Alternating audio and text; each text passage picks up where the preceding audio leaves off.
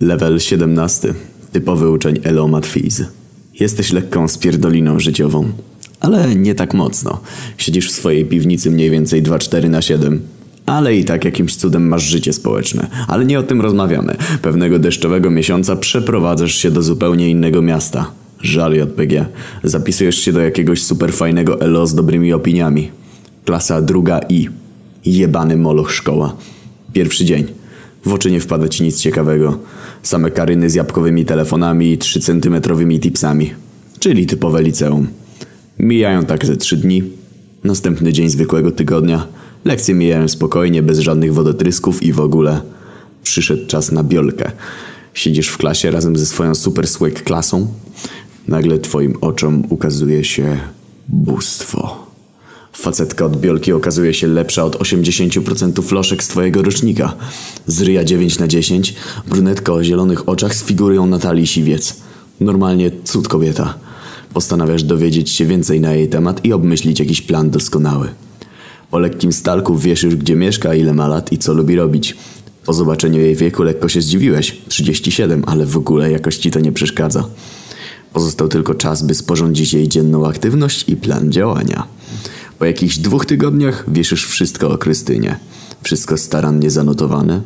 W trakcie, kiedy ją stalkowałeś, wymyśliłeś swój długi, ale genialny plan.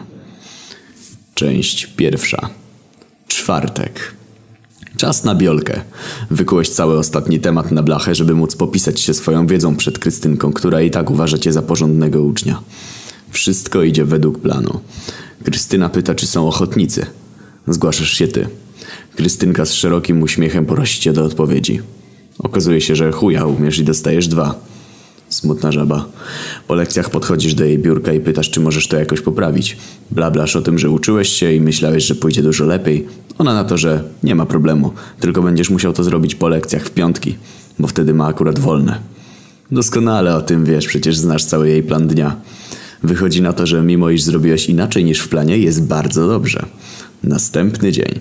Teraz to wykułeś się już tak, że nie ma szans na złą ocenkę. Idziesz do krychy po lekcjach, ona siedzi w swojej klasie. Jej czerwona obcisła sukienka mało nie doprowadza cię do erekcji. Siadasz przed jej biurkiem i serdecznie ją witasz. Jej usta niczym Lizean wymówiły moje imię i powiedziały, że doskonale wie po co przyszedłeś. Shit, odkryła mój plan. To ja, Kanon? Poprawiamy tę dwójeczkę? Ulga na sercu. Jakbyś przeżył skok na bungee z obluzowaną linką. Tak, proszę pani. Po wszystkim udaje ci się poprawić ocenkę i w dodatku zagadać. Po owocnej rozmowie twoja reputacja w oczach Krystyny podskoczyła jak druidowi po zabiciu bossa w gotiku. Część druga. Sąsiedztwo. Następny dzień. Kręcisz się w okolicy miejsca zamieszkania tej Krystyny. Wiesz, że za jakieś pięć minut wyjdzie z psem. Wszystko mija według planu. Na radarze pojawia się nowa postać. To ona. Idziesz z naprzeciwka. Kontakt wzrokowy powiódł się. Krysia wita cię i pyta, co tu robisz. Jest jakaś trochę smutna.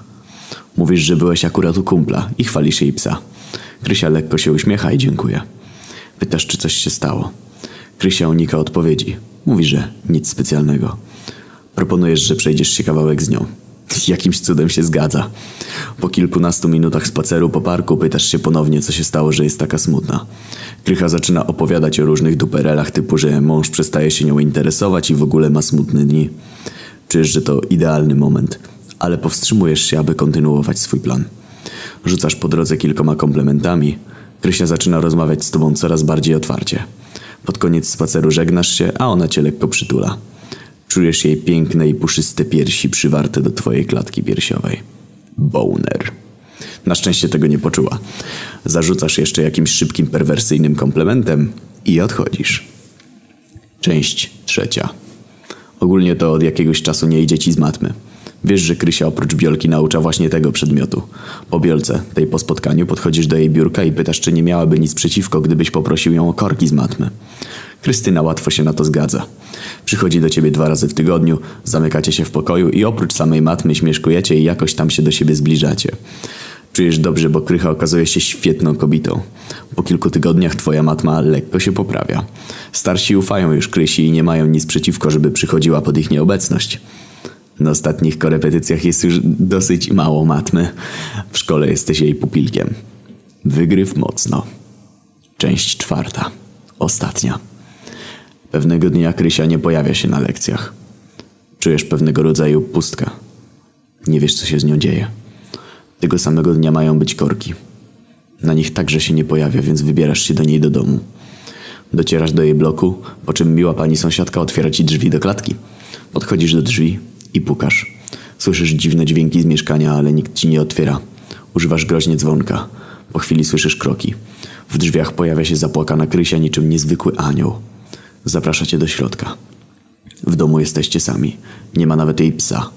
Siadacie razem na kanapie i zaczynacie rozmawiać. Okazuje się, że z jej męża jest niezły człowiek skurwiel. Dwa dni temu zniknął z domu bez żadnego znaku, a rano przysłał jej fotki z jakichś wysp Barabara, czy jakoś tak wraz z jego kochanką i ich psem. Wkurwiasz się mocno, bo kochanka jest gorsza niż Krysia.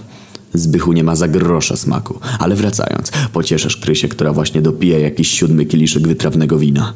Zarzucasz komplementami jak nigdy. Krysia dziękuję ci za poprawę humoru i jakoś się do ciebie zbliża. Zaczyna opowiadać o tym, jak dobrze jej się z tobą gada i dzięki tobie nie jest jej tak smutno jak w ostatnim czasie. Jej rąka zniża się do krocza. O kurwa. Krysia nie przestaje pierdolić o tym, jak dobrze, że pojawiłeś się w jej życiu. Rozpina ci rozporek i zaczyna masować twoje krocze. Prosi, abyś wstał. W końcu to twoja nauczycielka, musisz robić to, co mówi. Zdejmuje całe twoje piwniczne ubranie i klęka przed tobą, biorąc sprawy w swoje usta. Hehehe. Właśnież zdajesz sobie sprawę, że tracisz prawictwo ze swoją nauczycielką od biolki. Przez chwilę wątpisz, czy to dobra osoba, jako osoba z jakimiś standardami, po czym zobaczyłeś jak się rozbiera. Ujrzałeś jej figurę on live. Jeszcze lepiej niż w twoich anońskich wyobrażeniach. Jej cycuszki były jeszcze bardziej jędrne i tyłek. O! Chwila zwątpienia ucieka. Porywasz krychę do sypialni i bawicie się tam dobre kilka godzin. Bawisz się jej guziczkiem, penetrujesz na wszystkie strony i wszystkie możliwe sposoby. Pornhub w końcu się przydał. W ogóle to nie wiesz, jakim cudem tak długo wytrzymałeś jako stuleja piwnicy. Pod koniec Krysia przytula się do ciebie jak w jakimś romantycznym filmie.